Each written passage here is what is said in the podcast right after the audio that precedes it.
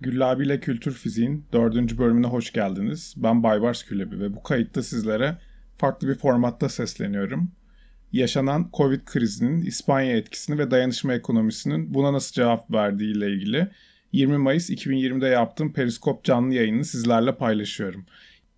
İlk yaptığım canlı yayın olması nedeniyle kayıtta bazı kalite sorunları var. Bu nedenle sizlerden özür diliyorum.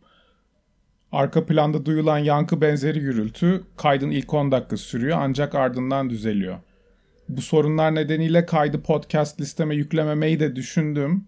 Ancak bahsettiğim bilgilerden insanların yararlandığı geri bildirimini de aldığım için her halükarda bu kaydın paylaşılması gerektiğine karar verdim.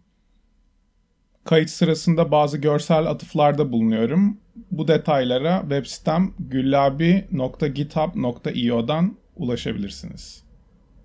Bugünkü konumuza geçersek eğer, e, öncelikle bahsetmek istediğim şey dayanışma ekonomisi nedir? Dayanışma ekonomisi dediğimizde ne anlamalıyız? Önce bundan bahsedeceğim genel olarak. E, bundan e, bunun ardından İspanya'nın özel durumundan ve Covid nedeniyle İspanya'da yaşananlardan bahsedeceğim. Bu konudan bahsetmemin sebebi aslında çok kişisel. Çünkü e, İspanya'da biliyorsunuz ben Barcelona'da yaşıyorum e, ve burada başka Türkiye'lilerle birlikte e, yabancıların da dahil olduğu ortak olarak çalıştığımız e, ama çoğunluklu olarak Türkiye ile ilgili ve Türkçe ile alakalı da e, dil işleri yaptığımız bir kooperatifimiz var bizim burada. E, bu bu kooperatif e, nedeniyle de birçok dayanışma ekonomisi ortamına girdik ve bu dayanışma ekonomisi içerisinde olup bitenlerle alakalı olarak doğrudan bilgi mevcut. Yani doğrudan insanlarla bağlantım olduğun için ve işin içinde de bulunduğum için e, doğrudan bilgi e, hali hazırda elimde mevcuttu. O yüzden bunları sizlerle paylaşmak istedim. Bununla alakalı olarak öncelikle bu nedenle e, kooperatifimizin adı Kollektivat.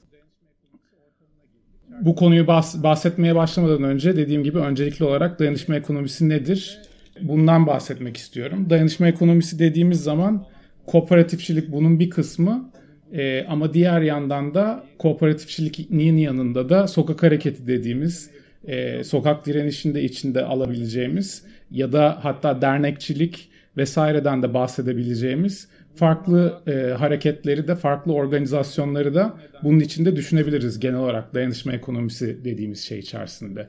Asli olan şey dayanışma ekonomisinde işin dayanışma kısmı. Bunun da en önemli aslında tanımı şöyle.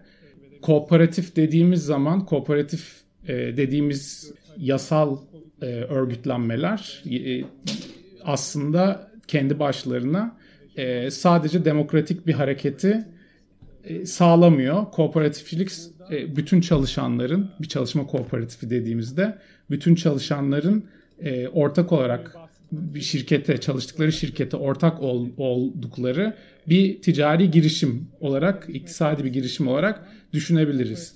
Bütün çalışanların ortak olduğu ve üretim araçlarına sahip olduğu bu iktisadi girişimlerin yanı sıra diğer dernek tarzı organizasyonlar, hatta federasyonlar, kooperatif federasyonları olabilir.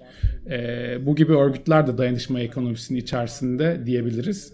E, ve de bütün bu or, ve de hatta e, kooperatif olmamasına rağmen e, kooperatifçilik e, prensiplerini işleten çeşit şirketler bile e, kooperatifçilik yani dayanışma ekonomisi içine dahil olduğu söylenebilir. O yüzden dayanışma ekonomisi dediğimiz zaman bahsetmemiz gereken temel bazı prensipler var. Bu prensipler e, herkesin katılımına açık olması, bütün katılımcıların eşit oya, oya sahip olabilmesi, iktisadi bir girişimse e, gelirlerin ortak olarak paylaşılması ya da bu gelirin paylaşımının e, beraber karar veriliyor olması gibi e, çeşitli prensiplere dahil olan bütün topluluklar e, dayanışma ekonomisi içindedir diyebiliriz.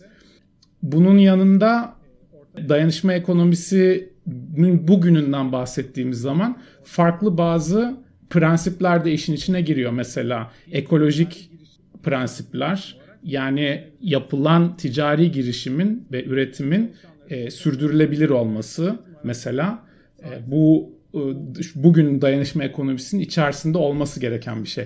Aynı zamanda e, bizim de bir bilişimcilerin de içinde bulunduğu yani teknoloji işi de yaptığımız bir kooperatif olarak savunduğumuz prensiplerden biri de açık teknolojiler. Yani kullanılan ve üretilen teknolojilerin açık olması da mesela yine dayanışma ekonomisi içerisinde düşünülmesi gereken dayanışma ekonomisi mantığına uygun dahil modern olarak dahil olması gereken prensiplerden biri. Şimdi bu genel çerçeveyi kurduktan sonra yani dayanışma ekonomisi dediğimiz şey sadece koopar yani şu tanımı yapmak gerekiyor. Tüm kooperatifler dayanışma ekonomisi içerisinde olmak zorunda değil. Kooperatif kimliğine sahip, yasal kimliğine sahip bir organizasyon kooperatifçiliğe yani dayanışma ekonomisine aykırı bir davranış içerisinde olabilir. Bunun en güzel örneği Türkiye'deki mesela yapı kooperatifleri. E, yasal olarak kooperatif olmaları onları dayanışma ekonomisi içerisinde dahil oldukları anlamına gelmiyor. Aynı şekilde de e, dayanışma ekonomisi prensiplerine uygun olarak çalışan başka topluluklar yine dayanışma ekonomisi içerisinde sayılabilirler. E, şimdi bu şeyi bitirdikten sonra bu tanımı bitirdikten sonra e, şunu söylemek gerekiyor. E, İspanya'daki durum ne? Yani e, neden İspanya? Biraz da bundan da bahsetmek gerekiyor. Kooperatifçilik aslında dünya içerisinde gayet e, büyük bir yere sahip ekonomik olarak. Özellikle kooperatifçilerin etkin olduğu ülkelerden bahsedersek bu ülkeler İngiltere, Fransa e, ve İspanya. E, tabii ki şu an mesela aynı şekilde Birleşik Devletler'de de benzer şekilde e, kooperatifçilik özellikle de bu modern tip kooperatifçilikle alakalı olarak e, hareketlenme var. Ancak e, benim özellikle şu an bahsetmek istediğim tabii ki İspanya'nın dayanışma ekonomisi. Neden İspanya? İspanya'nın tarihsel olarak özel bir yeri mevcut aslında. İspanya'nın özel durumunun nedeni biraz da tabii ki iç savaş öncesi döneme dayanıyor. İç savaş öncesi dönemde e, ki anarşist ideoloji nedeniyle de oluşan örgütlenmelerin özellikle de iş kolu ve çalışma pazarı çevresindeki örgütlenmenin, anarşist örgütlenmenin kooperatifçilik üzerinden yürümüş olması sebebiyle belli bir tabii ki tarihsel geçmişi var İspanya'nın. Ama bu tarihsel geçmiş, sadece bu tarihsel geçmiş e, yeterli değil kooperatifçiliğin bir şekilde e, şu an aktif olabilmesi için ve kooperatifçiliğin tekrar aktive edilmesi İspanya'da 1990'lar e, sonrası tekrar başlıyor. Çünkü tabii ki Franco dönemi içerisinde büyük bir e, yenilgi sonrası e, hezimete uğruyor. Bütün sol hareket, kooperatifçilikte buna dahil.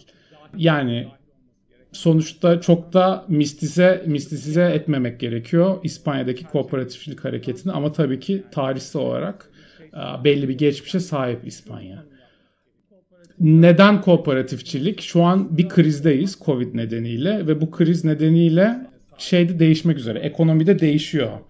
Ve bu değişen ekonomiye karşı çalışanların da bir şekilde direnmesi gerekiyor. Çalışanlardan kastımız tabii ki emek pazarı, genel olarak emek pazarı olarak düşünebiliriz. E, ve direnişten kastımız da tabii ki bu politik bir direniş de olabilir.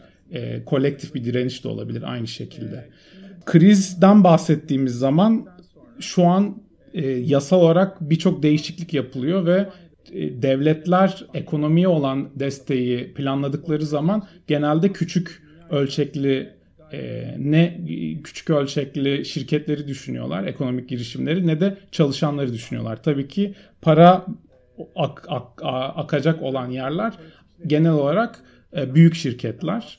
Yani kapitalist sistemin kendi doğa doğasından dolayı. E, ve buna karşı bir direniş kooperatifçilik olabilir mi? Yani biraz da cevaplamak istediğim yani ya da başlangıç noktası olarak çıkmak istediğim nokta bu. Bunu bir problematik haline getirmemin sebebi şu. Neden Covid krizinde bunu konuşuyoruz? Çünkü 2008 krizinde özellikle İspanya'da kooperatifçiliğin faydasını ve etkilerini aslında gördük. Şu an İspanya içerisinde özellikle benim bulunduğum Katalunya bölgesinde gerçekten güçlü bir kooperatifçilik hareketi var. Ve bu kooperatifçilik hareketinin güçlü olmasının sebeplerinden biri yani bugün için güçlü olmasının sebeplerinden biri 2008 krizi sonrası birçok kooperatifin büyümüş olması. Yani bu büyüme dediğimiz şey hem çalışan yani iş gücünü, emek pazarını e, içine çekme açısından hem de e, gelir açısından da bir büyüme gösterdi bu e, kooperatifler. Bunun bir nedeni var. E, bunun nedenini şöyle aslında karşılaştırmak gerekiyor. 2008 krizi sonrası bir kemer sıkma politikaları uygulandı birçok ülke tarafından. Bunun yanında iş çalışanların durumu da geriye gitti. Hem şirket tarafından yani özel sektör tarafından uygulanılan küçülme politikaları nedeniyle hem de devletler tarafından uygulanan kemer sıkma politikaları nedeniyle. E, kooperatifçilik açısından buna baktığımızda kooperatifçiliğin buna nasıl bir tepkisi oldu dediğimizde çalışanlar şirketlerini yani iktisadi girişimlerini kendileri kontrol ettikleri için e, iktisadi girişimlerinin sürdürülebileceğini, sürdürülebilirliğini sağlayacak kararlar aldılar. Ee, bunun aksine özel girişimler, iktisadi özel iktisadi girişimler ise e, sahiplerinin karını artıracak kararlar aldılar. Tekrar ediyorum. Kriz sonrası alınan küçülme kararları ve kemer sıkma politikaları özel şirketler için e, şirket sahiplerini ve yöneticilerini zengin ederken kooperatifler için ise kooperatiflerin sürdürülebilirliğini sağladı. Ee, bunun önemli örneklerini gördük. Birçok büyük şirket krizden çıkmalarının ardından kar ettiler ve CEO'larının maaşlarına zam yaptılar. Aslında e, bunun tam madalyonun öbür yüzü ise kooperatiflerde şöyle oldu. Küçülme kararını alan kooperatifler kendi işçilerini, çalışanlarını koruyacak şekilde aldılar bu kararları ve ardından krizden çıkıldığı anda kooperatiflerin kapasitesi bir anda e, büyüdü. E, işçilerini mağdur etmeyecek şekilde kararlarını aldıkları için ve işleri e, iktisadi girişimlerini devam ettirebilecekleri şekilde bu kararları aldıkları için. E, şimdi yine tarihsel geçmişten geri dönelim Covid durumuna. E, şu anki krizde de e, çok daha farklı bir e, durumdayız gibi gözüküyor. E, yani e, 2008 krizi sonrası en azından sokağa çıkma e, imkanı varken demokratik olarak tepkisini insanların ifade edebilmesi durumu varken şu an bunun üstüne sokağa çıkma yasakları nedeniyle e, eylem yapma imkanı da sıkıntıya girmiş durumda. E, e, bu nedenle krizden çıkış noktasındaki durum çok daha karanlık gözüküyor. 2008 e, kriziyle karşılaştırdığımız zaman. E, bu nedenle yani krize karşı nasıl tepki verebiliriz? Nasıl bir dayanışma ekonomisi kurabiliriz? E, biraz bundan bahsedelim. Bu örnekler nedir? İspanya'daki durum nedir? Biraz bundan konuşalım istiyorum. Ve en sonunda şu an arka planda gördüğünüz haritadan bahsetmeye başlayabiliriz. İspanya'da e, e, durum neydi? İspanya'daki e, dayanışma ekonomisinin tepkisi ne oldu Covid krizine? E, şimdi bundan bahsedebiliriz artık. E, arkada gördüğünüz, arka planda gördüğünüz e, harita e, mahalle bazlı dayanışma gruplarının haritası. İspanya'daki mahalle bazlı dayanışma gruplarının haritası. E, bu şu anlama geliyor. Herhangi bir grup, herhangi bir insan e, kendi mahallesi içerisinde yardıma ihtiyacı olanlara ulaşabilmek için ya da yardıma ihtiyacı olduğunda bu yardımı sağlayabileceklere ulaşabilmek için e, bir bu ağlara dahil olabiliyor ve bu ağların kendilerine has bazı kanalları mevcut.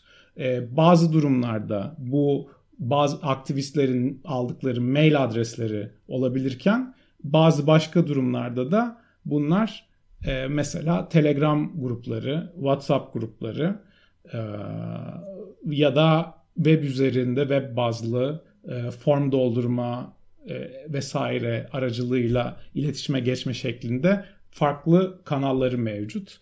E, ve olan şey şu, yani örnekleri farklı ülkelerde farklı şekillerde de var aslında.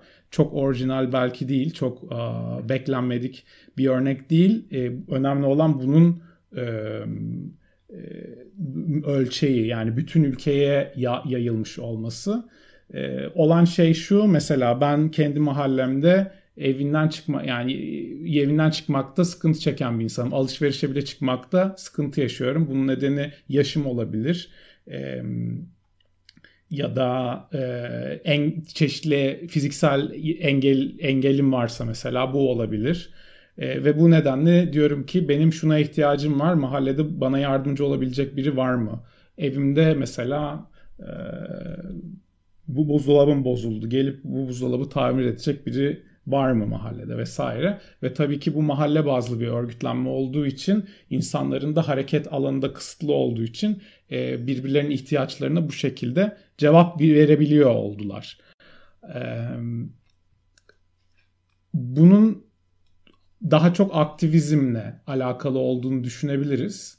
E, Birçok alanda da aktivizmle alakalı gruplar öncelikli olarak başlattı bu tarz girişimleri.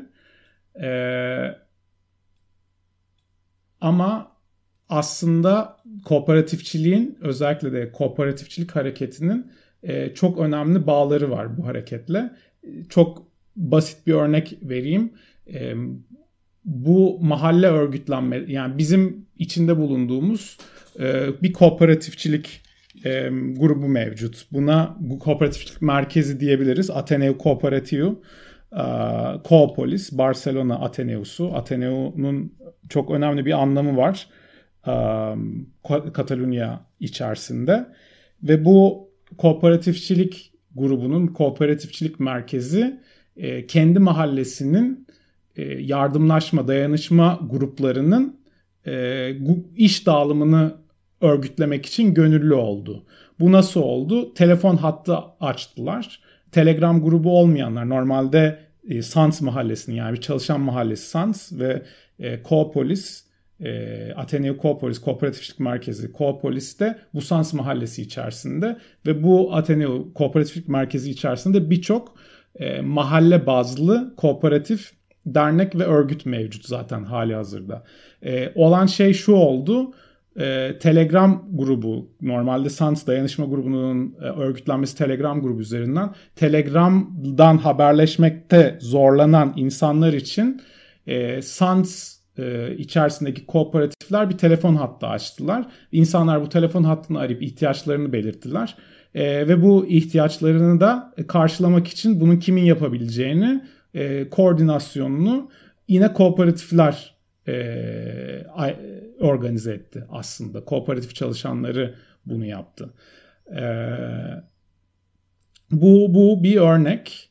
E, burada şu an SANS'taki e, grupları görüyoruz. Buradaki e, görebileceğiniz şey aslında e, SANS'ta birçok grup var. O kadar büyük bir örgütlenme durumu mevcut ki SANS için neredeyse her sokak için ayrı bir e, dayanışma grubu kanalı açıldı ki insanlar e, spesifik olarak ihtiyaçlarını e, kendilerine daha yakın olan insanlarla birlikte ifade edebilsinler diye. Mesela Lafarga meydanının kendi grubu mevcut. Plaza Osca'ydı bu galiba. bu Sans'ın kendisi genel büyük grup. bu da Osca meydanının grubu mesela. E, ve Koopolis'inde, Athena Koopolis'inde yaptığı bütün sans içerisindeki bu gönüllülerin ve ihtiyaç listesinin ayarlanmasını sağlamaktı. E, bu, bu bir örnek, bu çok önemli bir örnek. E, ve şu an bu tarz 500'den fazla grup mevcut İspanya'da. Bu tarz örgütlenmeyi yapan, Telegram olsun, telefon olsun, mail olsun, etc. E, vesaire.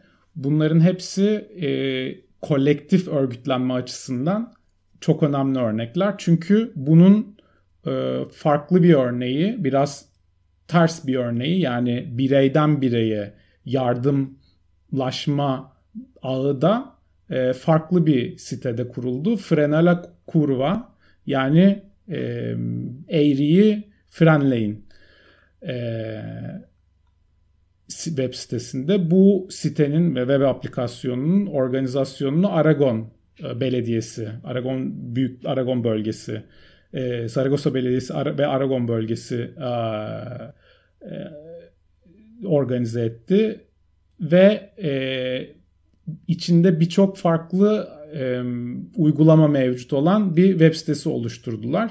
Bunun bir kısmı e, forum tarzı insanların konuşabilecekleri, haberleşebilecekleri, doğrudan proje örgü, örgütleyebilecekleri e, bir arayüz.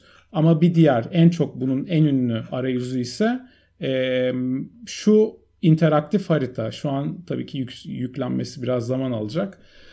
E, bu interaktif haritada yine benzer şekilde kolektif örgütlenme yani biraz önce gösterdiğim dayanışma gruplarının e, haritasındaki gibi e, noktalar mevcut.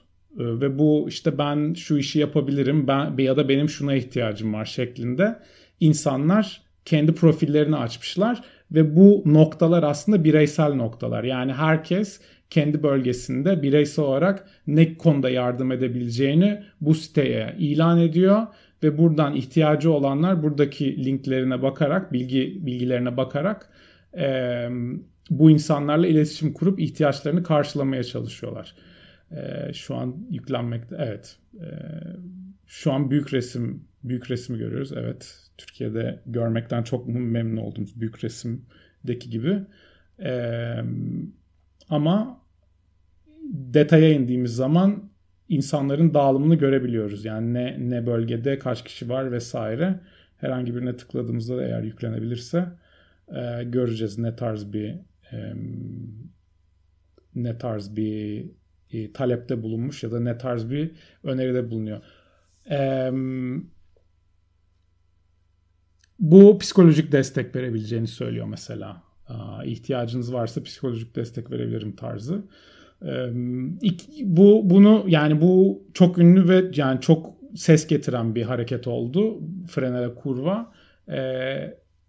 Ama açıkçası tabii ki benim bugün de bahsetmek istediğim kolektif hareket. Yani bu bireylerin birbirlerine yardımını sağlayan, bunun aracısı olan bir e, web uygulaması çok önemli. İnsanların birbirlerine nasıl yardımlaşma isteği içerisinde olduğunu gösteriyor. Bu açıdan yani dayanışma tabii ki bireyden birey dayanışma ama e, dayanışma ekonomisinden bahsettiğimiz zaman tabii ki kolektif dayanışma kolektif örgütlenme ve mahalli bazlı örgütlenmenin çok önemli bir yeri var. Burada bahsettiğimiz e, konu dahilinde düşündüğümüz zaman. E, şimdi konuşulması gereken burada bence İspanya'da neden böyle bir şeye ihtiyaç duyuldu? Yani biraz da bundan bahsetmek gerekiyor. Ne oldu da ne nasıl bir ihtiyaç vardı da e, böyle bir şeye e, insanlar böyle bir şeye örgütlenme ihtiyacı duydular.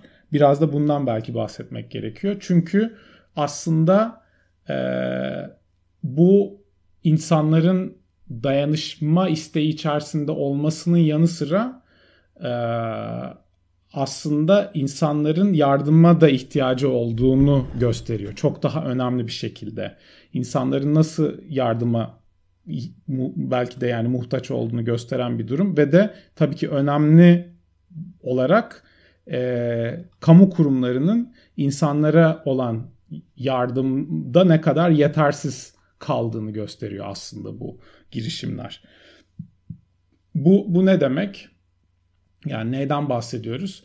Dayanışma bu noktada şu, şu tanımı yapmak gerekiyor aslında çünkü bu buradaki tartışmalardan önemli bir e, tartışmaların önemli bir kısmı. E, yardıma ihtiyacı olan bir insandan bahsettiğimiz zaman e, kriz nedeniyle işsiz kalmış. Zaten kriz öncesi hali hazırda e, e, prekaryalaşmış bir işte çalışıyor olan, kriz nedeniyle işinden olmuş olan, hizmet sektöründe çalışıyorduysa mesela özellikle. E, diğer yandan e, toplumun içerisinde marjinalize edilen bir topluluktan e, topluluğa dahil olan kişiler, e, kadın olsun, göçmen olsun e, ya da engelli olsun vesaire. E, bu bunların e, kriz nedeniyle düştüğü kötü duruma top, toplum olarak nasıl cevap verebiliyoruz? Normal şartlarda tabii ki yani bir e, e, de, de, şu de, devlet düşündüğümüz zaman, sosyal devlet düşündüğümüz zaman sosyal devletin yardım götürmesi gerekiyor. E, politik olarak amacımız nedir? Nasıl bir amacımız olmanın dışarıda bırakarak konuştuğumuz zaman e, vatandaşlar olarak vergi ödememizin sebebi toplumun e, ihtiyaç, muhtaç olan e, kesimlerinin zor durumlarda aslında e, yardım alabiliyor olmaları. Bu nedenle mesela zenginlerin aslında daha çok daha daha çok vergi veriyorlar. Gelir vergisi vesaire düşündüğümüz zaman. Bu dayanışma ağlarının varlığı sosyal devletin yetersiz kaldığını gösteriyor aslında. Tamamen buradaki durum bu. Ama bunun yanında bunun bir basamak daha üstü var. Yani e, gerçekten talep etmemiz gereken bu aktiviteleri, bu e, hizmeti sosyal devletin vermesi mi ve de bunu sosyal devletin alıştığımız mantığıyla vermesi mi? Yani politik olarak amaçladığımız şey bu mu? Dayanışma ekonomisi dediğimiz zaman da tam da işte burada ki farklılığı görebiliyoruz. Dayanışma ekonomisinden bahsettiğimiz zaman reddedilen şey aslında asistansiyalizm diyebileceğimiz Türkçesinin nasıl çevrilmesi gerektiğini e, şu an bilemekle beraber yani sosyal devletin ya da vakıfların ya da derneklerin muhtaçlara e, ürün ulaştırması. Direkt ürün ya da maddi yardım yapması. Buna genel olarak asistansiyalizm diyebiliriz. Yani e, yoksulluğu, e, dışlanmayı, ayrımcılığı çözmek yerine bunları çözmek için e, sadece maddi yardım yap- yapıyoruz. Buna burada asistansiyalizm, asistansiyalizmo yani asistansiyalizm diyebileceğimiz, Türkçe'de de anlayabileceğimiz e, şek- şekilde e, isim veriliyor. Bunun karşısında e, dayanışma ekonomisi dediğimiz şeyin içerisinde dayanışma olması gerekiyor. Yani dahil olanların e, birlikte hareket ediyor olması gerekiyor. Yardım alanın da e, bu örgütlenmenin içerisinde bir şekilde rol alması, kendisine yapılan yardımla ilgili söz sahibi olması, e, bir ağ içerisine dahil olup belki ileriki bir noktada başka birinin ihtiyacı olduğu zaman e, buna cevap verebiliyor olması e,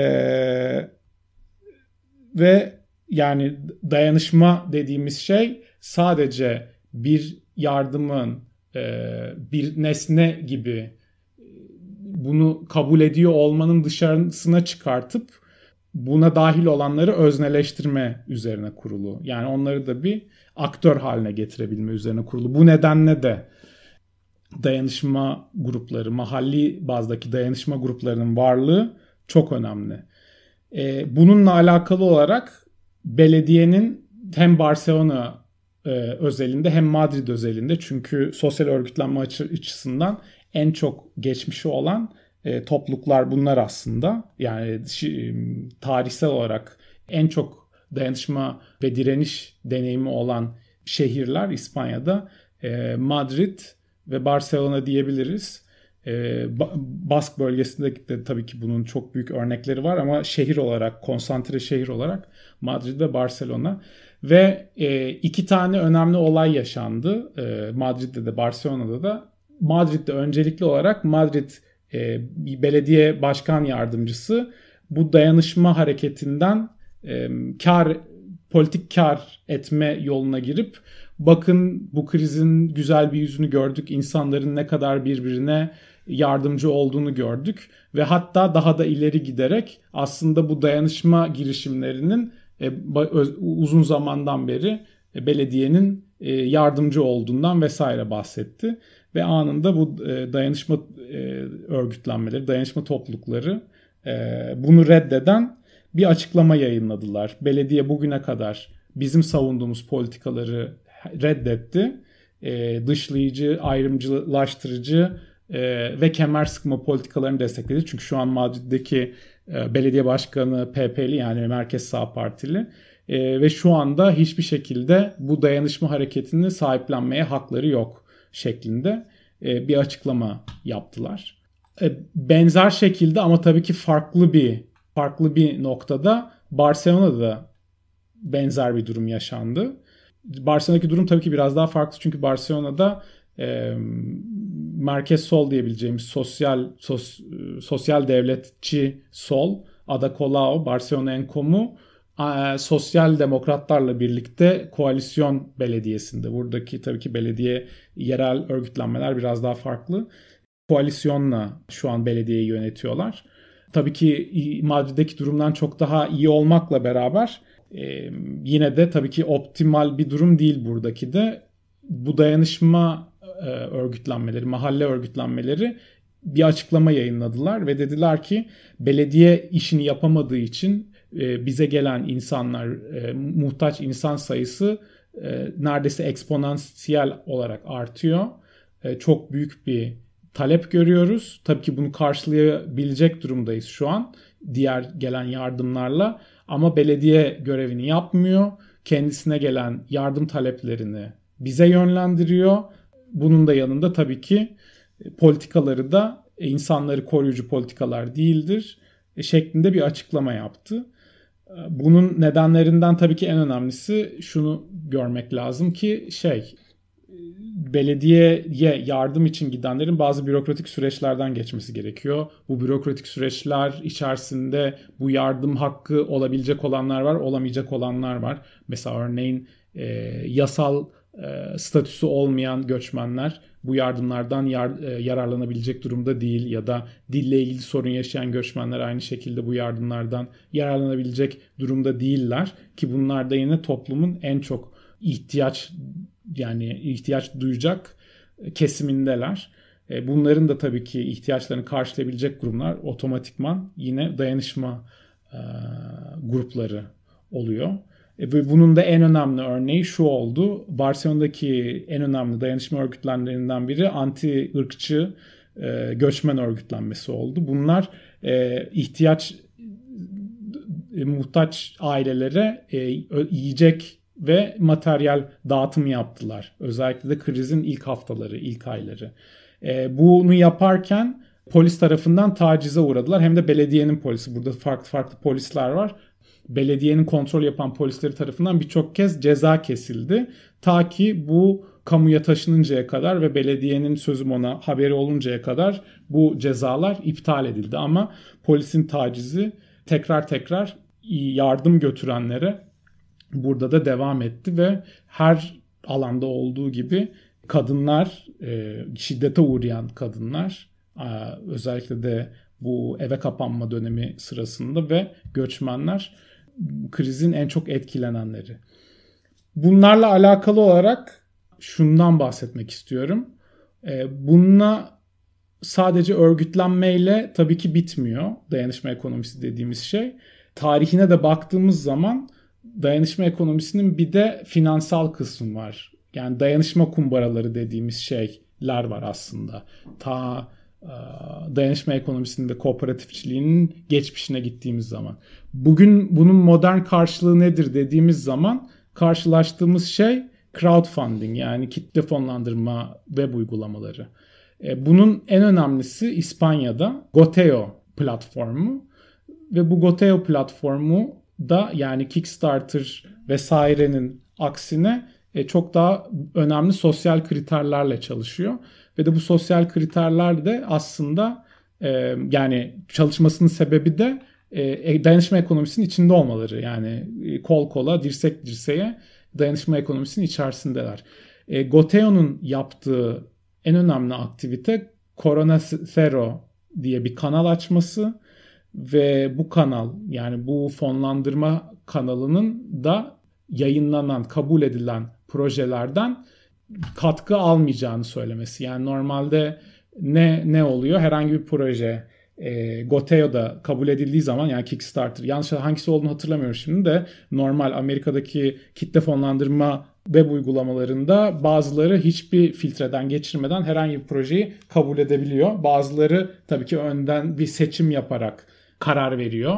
Hangi projelerin web uygulamalarında platformlarında olabileceğini. Tabii ki Goteo bu seçimleri de yapıyor. Ardından da herhangi bir bu finans finans kısmı bittiği zaman projelerin bundan belli bir yüzde alıyor. Platformu yöneten, idare eden ve de projelerin iyi olduğunu sağlamasını yapan kurum olarak Goteo. Bu korona için korona ile alakalı olarak yapılan projelerden bu katkı payını almayacağını söyledi. Yani yapılan e, yardımların %100'ü e, bu projeyi yapanlara doğrudan ulaşacağını ilan etti.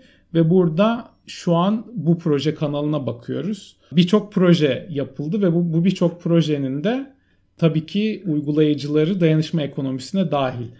Çok önemli bir örnek aslında söylemeden geçmemek lazım. Burada bir kira grevi yapılması planlanıyor.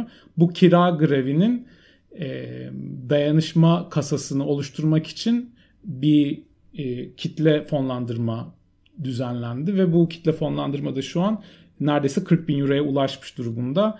Toplamda 16 bin kişinin kira grevine katılacağı söyleniliyor. Bunun dışında benim bahsetmek istediğim e, ilk sayfadaydı galiba. Tekrar geri döneceğim.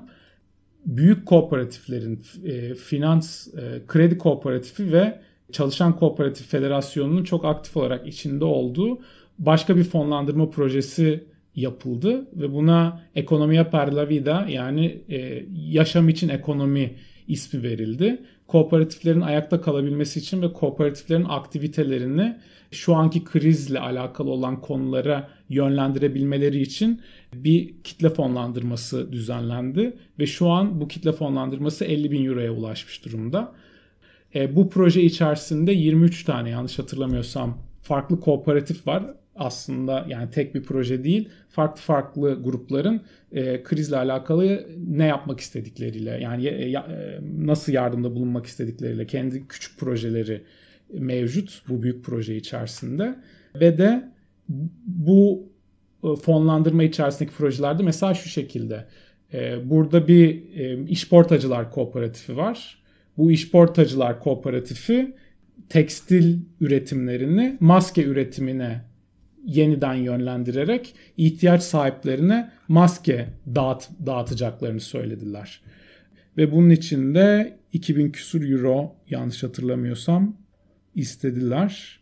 Ve bunun gibi başka gruplar da mevcut. Bu grupların içerisinde e, söyle, belki de söylenmesi gereken 5 ana konu seçildi bu projelerin nasıl olacağıyla alakalı olarak.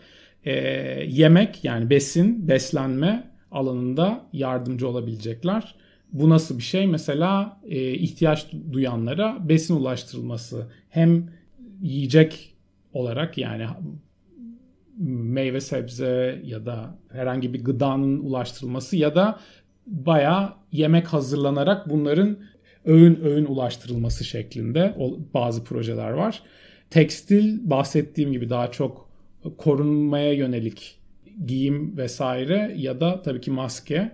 E, bakım, bakım alanında çalışan kooperatifler e, bakımla alakalı, insanların bakıma ihtiyaç, bakıma muhtaçların bakımıyla alakalı projeler ve e, bu insanlara yardım götürülmesi için bazı projelerde önerdiler. İnşaat, inşaattan kasıt şu an ayrıntılarını tam hatırlamakla beraber benim gördüğüm mesela ha, yani e, evinde herhangi bir e, yapılması gereken iş, onarılması gereken herhangi bir şey olan insanların e, bu insanlara yardım götürme, bu o, o, onarımların yapılması vesaire şeklinde ve de teknoloji alanı.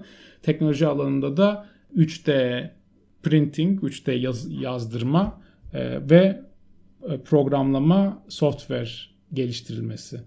E, biz bizim kooperatifimiz de kolektivat olarak biz bu liste içerisindeyiz ve de e, bizim yaptığımız projede aslında şey tek e, bu proje listesi içerisindeki tek software geliştirme projesi, yazılım geliştirme projesi. E, bizim projemizde şu oldu. Bu dayanışma gruplarının kanallarının Telegram'daki Katalunya'daki en hem yardıma ihtiyaç duyabilecek olan hem de sayısal olarak da daha baskın olan göçmen gruplarının diline çevrilmesi ve bu e, çevirilerin yine Telegram üzerinden organize edilmesi üzerine bir yazılım geliştirdik. Olan şey şu aslında çevirmenler, gönüllü çevirmenler Telegram gruplarına giriyorlar ve bu Telegram gruplarında önlerine çeşitli çeviri işleri düşüyor. Bu küçük küçük dayanışma gruplarının ya da devletin sağlıkla ilgili yaptığı sağlıkla ilgili yaptığı ilanların haberleri düşüyor önlerine. Bu ve bunları task olarak yani iş olarak görebiliyorlar ve bunun otomatik çevirisi de önlerine düşüyor. Otomatik çeviriyi revize ediyorlar. Revize ettikten sonra bu otomatik çevirinin düzeltilmiş halini gönderiyorlar ve otomatik olarak o kanalın o diğer dildeki versiyonuna bu mesaj gönderiliyor. E, şu anda Telegram üzerinden yapılan bu işlerin nasıl işlediğini gösteren bir örneği görüyorsunuz. Böylece bütün çeviri işleri bir merkezde toplanmış oluyor ve bu çeviri işleri de yine Telegram üzerinden düzeltilerek kanallara gönderilmiş oluyor. E, bunun altyapısını kurduk. Şu an e, gönüllü çevir yani gönüllü ve de e, paralı çevirmenlerle birlikte yani çevirmenlerin düzeltmeleri ya, yapan çevirmenlerle birlikte çalışarak hem dilleri artırmaya çalışıyoruz hem yeni kanalları eklemeye çalışıyoruz hem de bu kanalların ihtiyaç sahiplerine ulaşmasını sağlıyoruz. Şu an 3 ayrı kanal 3 ayrı dile çevriliyor. Hepsi her dile çevrilmemekle beraber Çince, Mandarin, Arapça ve Urduca. E, bunun yanına Bengali ve Hindi eklemek istiyorduk ama şu an onu gerçekleştiremedik daha. E, yani biz de bir şekilde e, haber alma özgürlüğüne, insanların bilgilenmesini sağlamak üzere böyle bir altyapı geliştirmek istedik. Biz de bu projeden yararlandık. Bu kitle fonlandırmasından böylece yararlandık. Daha fazla uzatmak istememekle beraber tek bahsetmem gereken konu ve de genelde Türkiye'de kooperatifçilik denildiğinde de ilk akla gelen konu tarımsal üretim. Tarımsal üretimin tüketicilerle e, buluşturulması. Bununla alakalı gelişmeler oldu e, bu kriz sürecinde. Birçok örgüt, birçok üretici ekolojik olsun, e, yerel üretici olsun ve de genelde dayanışma ekonomisiyle bağlantısı olan e, üreticiler olsun kriz nedeniyle büyük sıkıntı yaşadılar. Çünkü normalde bunlar süpermarketlere vesaire ya da direkt e, müşterilere, tüketicilere ulaşmak yerine büyük yekpare alışveriş yapan merkezlerle çalışıyorlardı. Bunlar yemekhaneler olabilir, okullar olabilir, e, başka iş yerleri olabilir, merkezler olabilir vesaire. Bunların tabii ki bu merkezler kapandığı için yemekhaneler, okullar vesaire kapandığı için e, ellerinde ürünler kaldı ve bu ürünleri bir şekilde tüketiciye ulaştırmaları gerekiyordu. E, bunun için birçok e, inisiyatif oluşturuldu. Yani bu üreticileri tüketicilerle nasıl buluşturabiliriz? E, bunun üzerine birçok inisiyatif oluşturuldu. Bunların en önemlisi şu an gördüğünüz Arrande Terra'nın e, bir haritası. Bu haritası ve de liste içerisinde üreticiler, ürettikleri şeyler ve nasıl ulaşılabileceği ile alakalı e, bilgiler burada ulaşmak mümkün. Bu bir tabii ki e, alışveriş web uygulaması değil, bir platform değil. Sadece ademi merkeziyetçi olarak tüketicilerin üreticilerle ulaşmasını sağlayacak bir girişim.